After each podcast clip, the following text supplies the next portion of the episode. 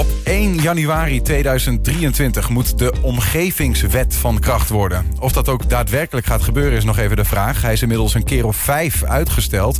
Toch zijn alle Nederlandse gemeenten nu druk bezig om een eh, eigen omgevingsvisie te vormen.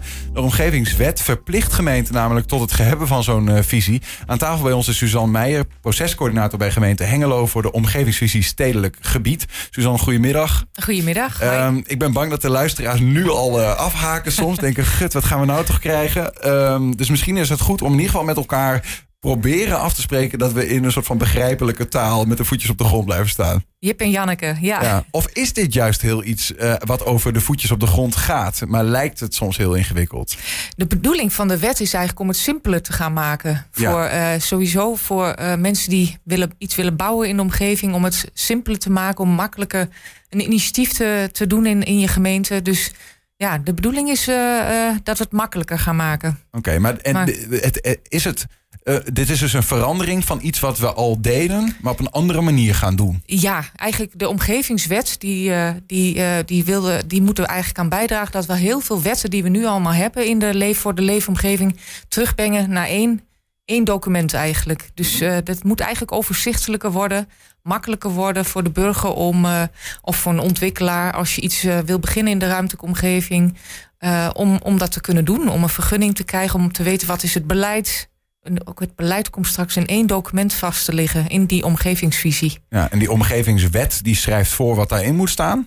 Ja, de omgevingswet schrijft eigenlijk uh, de, uh, voor waar, waar gemeenten en ook provincies, want die zullen ook aan de, aan de wet moeten voldoen. Ja. En waterschappen waar ze aan moeten voldoen. Mm -hmm. Maar het is aan de gemeente om uh, aan te geven wat je wil voor je fysieke leefomgeving. En dat schrijven we op in een, in een omgevingsvisie. Oké, okay, en in die ja. omgevingsvisie staan dus allerlei dingen die eerder verspreid stonden over andere uh, verschillende documenten. Moet ja. dat zo zien? Ja, ja, we hadden vroeger uh, bijvoorbeeld een structuurvisie. Daarin beschreven wat we qua ruimtelijke ontwikkeling wilden. We hadden een milieubeleidsplan. Daar gaven we aan waar we, wat we voor, voor, op het gebied van milieu wilden bereiken. We hadden een monumentenplan.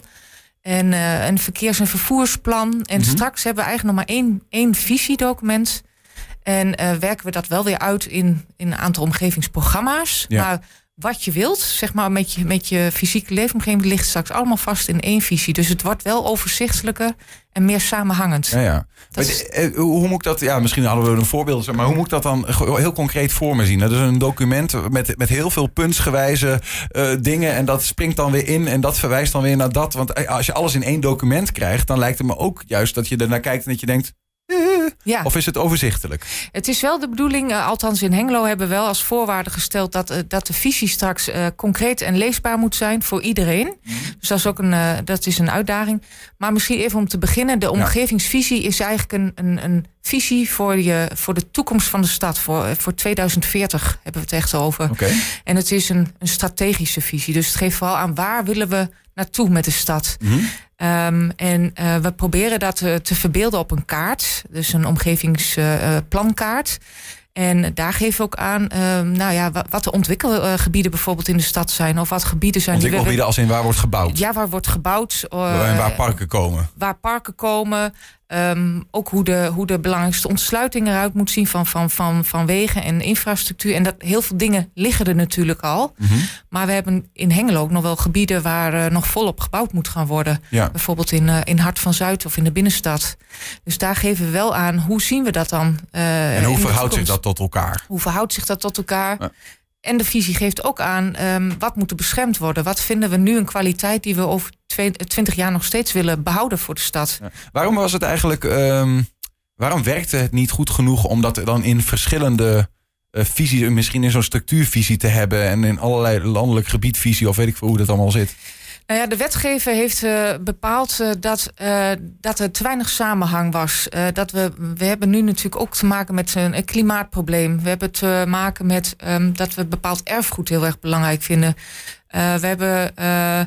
Um, dus eigenlijk vindt de wetgever dat we het veel meer in samenhang moeten bekijken. Ook, ook als het gaat bijvoorbeeld over gezondheid. Moet ook een thema zijn wat, wat ja. veel meer in deze visie te, terechtkomen. Vroeger hadden we eigenlijk allemaal verschillende visies. En uh, ja, wat we nu beogen is dat er veel meer uh, naar samenhang wordt gekeken. Dat we, dat we niet alleen maar kijken naar de ruimtelijke kant van de fysieke leefomgeving, mm -hmm. maar ook naar, naar de gezondheidskant bijvoorbeeld of de veiligheidskant. Ja. Dus ja, we hopen dat het straks wat meer in samenhang uh, tot stand komt. Wat, wat, wat gaat een, um, een, een, gemiddelde inwoner van Hengelo, zeg maar, wat, wat gaat hij daar eigenlijk uh, van merken? Of is dit vooral iets wat op de achtergrond speelt? En als je bijvoorbeeld een huis wil gaan bouwen ergens, of een appartementencomplex als je een projectontwikkelaar bent, bijvoorbeeld? Ja, ik denk dat de Hengelo er niet direct iets van gaat merken, want uiteindelijk werken we de omgevingsvisie uit in, uh, in een omgevingsplan met juridische regels. En dat is de basis om een vergunning aan te vragen. Mhm.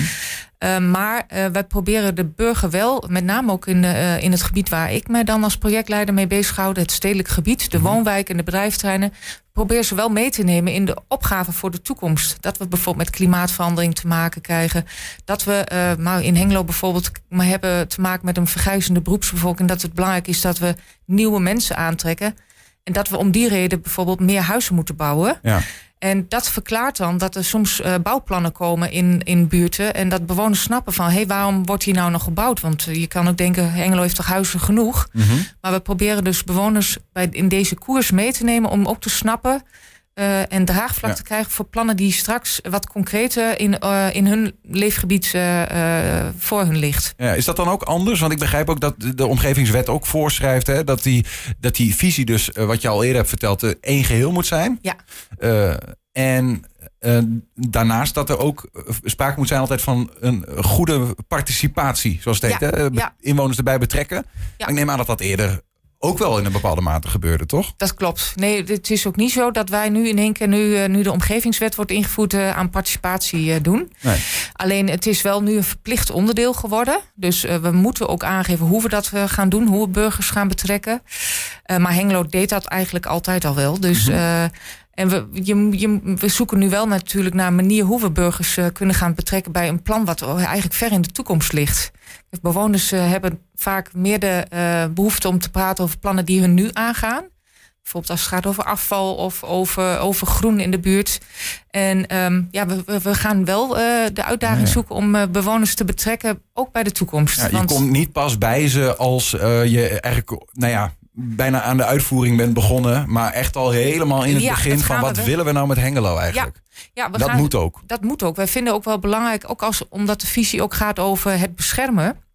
Dan wil je wel weten van Hengeloers, wat vind je dan nu plekken die de moeite waard zijn? Wat maakt het voor jou nu belangrijk uh, en fijn om in Hengelo te wonen? Want dat zijn voor ons wel, ja, dat is voor ons input om, om die kwaliteit ook straks uh, te gaan beschermen. En Ja. natuurlijk hebben we daar zelf ook een beeld bij, maar het is ook altijd goed om dat nog eens goed te horen bij bewoners. Want zij ervaren hun leefgebied natuurlijk veel ja, directer dan wij als gemeentelijke organisatie. Je bent zelf, uh, zoals het heet dan, procescoördinator ja. uh, als het gaat om die omgevingsvisie stedelijk gebied. Ja. Dat is de, de plek waar uh, gewoon stenen staan, denk ik. Ja, dat stedelijk gebied. Misschien moet ik even uitleggen, want we hebben in Hengelo voor gekozen het gefaseerd te doen. Ja. We, hè, omdat we, het- is een nieuw instrument, wat ik uh, al eerder zei. Dus we hebben gezegd, laten we ook leren van, uh, van dit traject. Dus we zijn begonnen met het buitengebied. Mhm.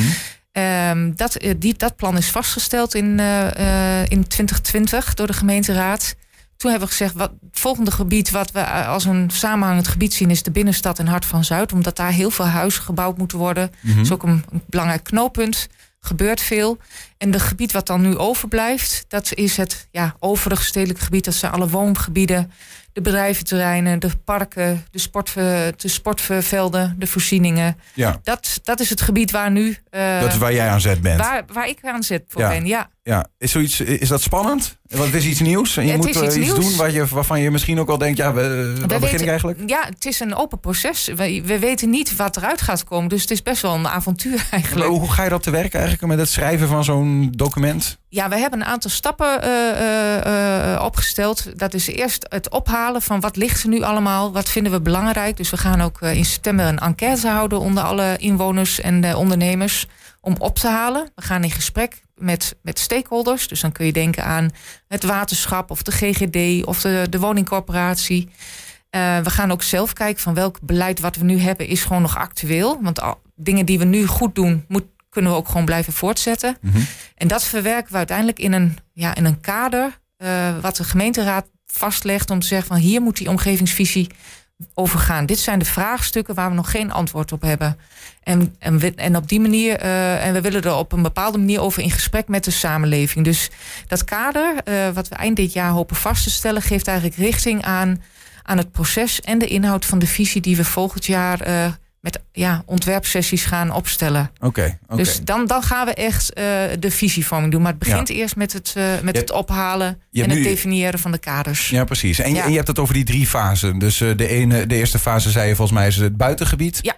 Uh, fase 2 is uh, was Hart van Zuid uh, ja. en binnenstad. En het derde is waar je nu aan zet bent, ja. alles wat, wat daar niet in valt, zeg maar. Exact, ja. En dan heb je nog fase 4 dat je die dingen gaat samenvoegen. Klopt, want de wet zegt wel, je moet voor je hele grondgebied een, een visie vaststellen. Ja. En dan uh, dus fase 4 zal zijn dat we het integreren tot één visie voor, voor heel Hengelo. Ja, ja.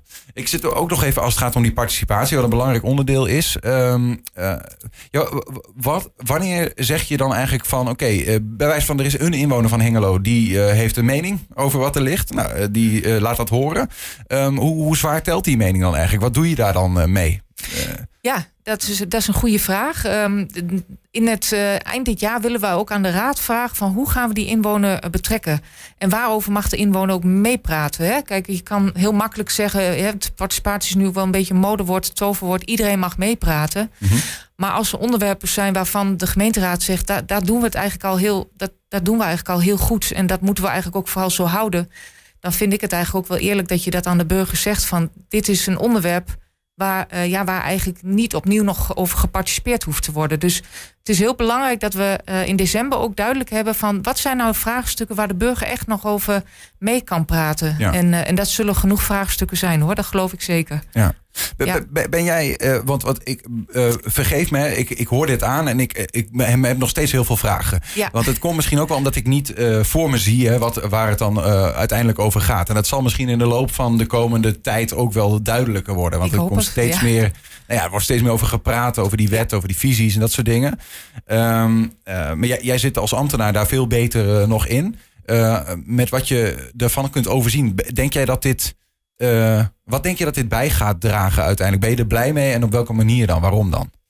Nou, ik denk dat het gaat bijdragen um, dat we uh, meer naar, naar samenhang kijken. Hoe je in de, in de omgeving, uh, naar, naar je leefomgeving kan kijken. Dat we niet alleen maar uh, kijken naar, naar één aspect. Ja. Maar dat, dat we echt kijken hoe, hoe maak je een omgeving aantrekkelijk. Zowel om te wonen als te werken, om in te leven ook nog gezond te zijn. Dus, dus dat. Ja, is een voorbeeld daarvan trouwens, zit ik me ja. te bedenken. Je hebt tegenwoordig natuurlijk die, die stikstofvraag die ja. er leeft. Aan de ene kant hebben boeren nou ja, belang bij stikstofuitstoot. In die zin dat zij ja, zijn daar verantwoordelijk Door voor. Of, boeren, hun, ja. precies. Hun vee uh, zorgt voor die uitstoot bijvoorbeeld. En, maar aan de andere kant heb je het belang van de natuur. Waarvan wordt gezegd, ja, hè, die wordt overwoekerd door stikstofuitstoot. En planten die daarbij gedijen. Nou ja, lang verhaal kort. Je hebt twee belangen. En in zo'n omgevingsvisie moeten die eigenlijk in één document worden gezet van wat willen we daar nou eigenlijk mee? Ja, in, in een omgevingsvisie weeg je die belangen en maak je uiteindelijk wel keuzes. Van ja. wat is uiteindelijk uh, uh, de richting die we op willen gaan. En uh, geef je wel aan hoe, hoe je belangen ten opzichte van elkaar weegt. Dus ja, het moet niet zo zijn dat, dat het nog steeds een optelsom is van allerlei verschillende belangen en dat daar tegenstrijdigheden in zitten. Dus ja. dan zal je bijvoorbeeld in het kader van de stikstofdiscussie wel keuzes gaan maken over Um, nou ja, bepaalde uh, inrichting van, van het landelijk gebied. Over, met betrekking tot uh, hè, als het speelt voor Hengelo. Want ik weet eerlijk gezegd even niet mm -hmm. of, of ons landelijk gebied direct geraakt nee. wordt door de stikstof. Maar even in zijn algemeenheid. Maar het moet wel een afwegingskader bieden voor mensen die uh, een initiatief hebben. Ze moeten weten waar ze aan toe zijn. In die zin moet het wel zo concreet mogelijk zijn. Ja, ja, ja. dus. Nou ja, interessant om een inkijkje te krijgen. Hè? Nogmaals, er zijn nog wel meer vragen over te stellen. Maar ja, we moeten het er ergens ook nu bij laten. In ieder geval tot, tot slot dan misschien begin 2024. Je hebt misschien zelf nog wat. Begin 2024 uh, moet die omgevingsvisie worden vastgesteld hè, in zijn geheel. Uh, nou, in ieder geval de, dit, dit gebied. Voor dit ja. gebied willen we hem uh, vaststellen. Okay. Um, en uh, in de loop van 2024, 2025 hopen we voor het hele grondgebied. Ik wil inderdaad ook nog even wijzen ja. op, uh, op onze website die binnenkort weer uh, online gaat. www.hengelo.nl slash omgevingsvisie. En we zullen ook nog via andere kanalen proberen ja, burgers, maar ook andere betrokkenen uh, op de hoogte houden van de stappen die we zetten. Want het is, we staan nog maar aan het begin. Dus ja, uh, we gaan precies. het ophalen en, en met elkaar doen. Ja, en uh, ja. Daar, daar kun je waarschijnlijk ook nog meer lezen over van wat houdt dit nou eigenlijk voor mij Ja, in. en ook hoe je kan meepraten bijvoorbeeld. Hè? Wel, als we een, een ontwerpsessie hebben over nou, hoe je bijvoorbeeld natuur inclusief kan bouwen. Ik noem maar een thema.